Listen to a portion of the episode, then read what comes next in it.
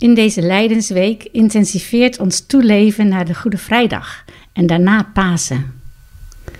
Er zijn in veel kerken s'avonds stiltevieringen of korte overdenkingen.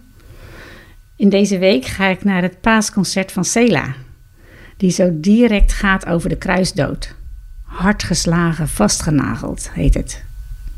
En in deze week wordt de Passion weer opgevoerd. We vieren met Pasen de verzoening met God. Zoals in 2 Korinthe 5 staat: Eén mens is voor alle mensen gestorven. Opdat de levenden niet langer voor zichzelf zouden leven, maar voor Hem die voor de levenden is gestorven en opgewekt. En dat is alles door het werk van God. Hij heeft ons door Christus met zich verzoend. En dan staat er een heel ontroerende tekst. 2 Korinthe 5 vers 20. Namens Christus vragen wij, laat u met God verzoenen. En dat is zo bijzonder.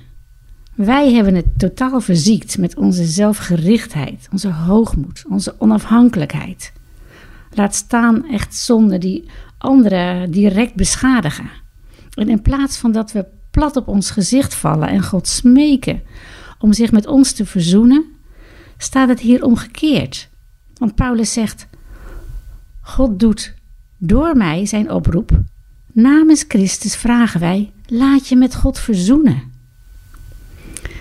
Laat dat eens tot je doordringen.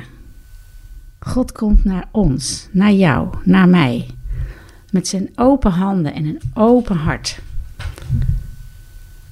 In Romeinen wordt die beweging van God naar ons toen nog eens bevestigd.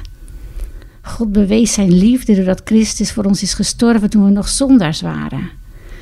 En des te zekerder is het dus dat wij, nu we door zijn dood zijn vrijgesproken, dankzij hem zullen worden gered en niet veroordeeld.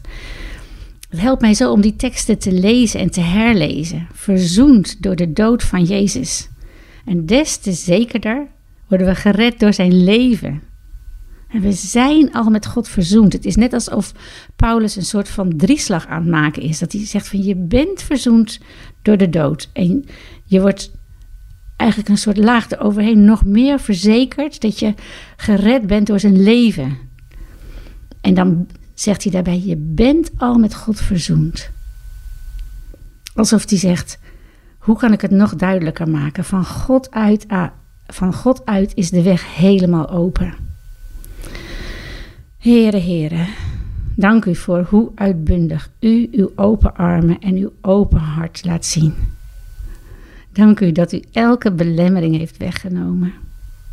Dat we u mogen ontmoeten.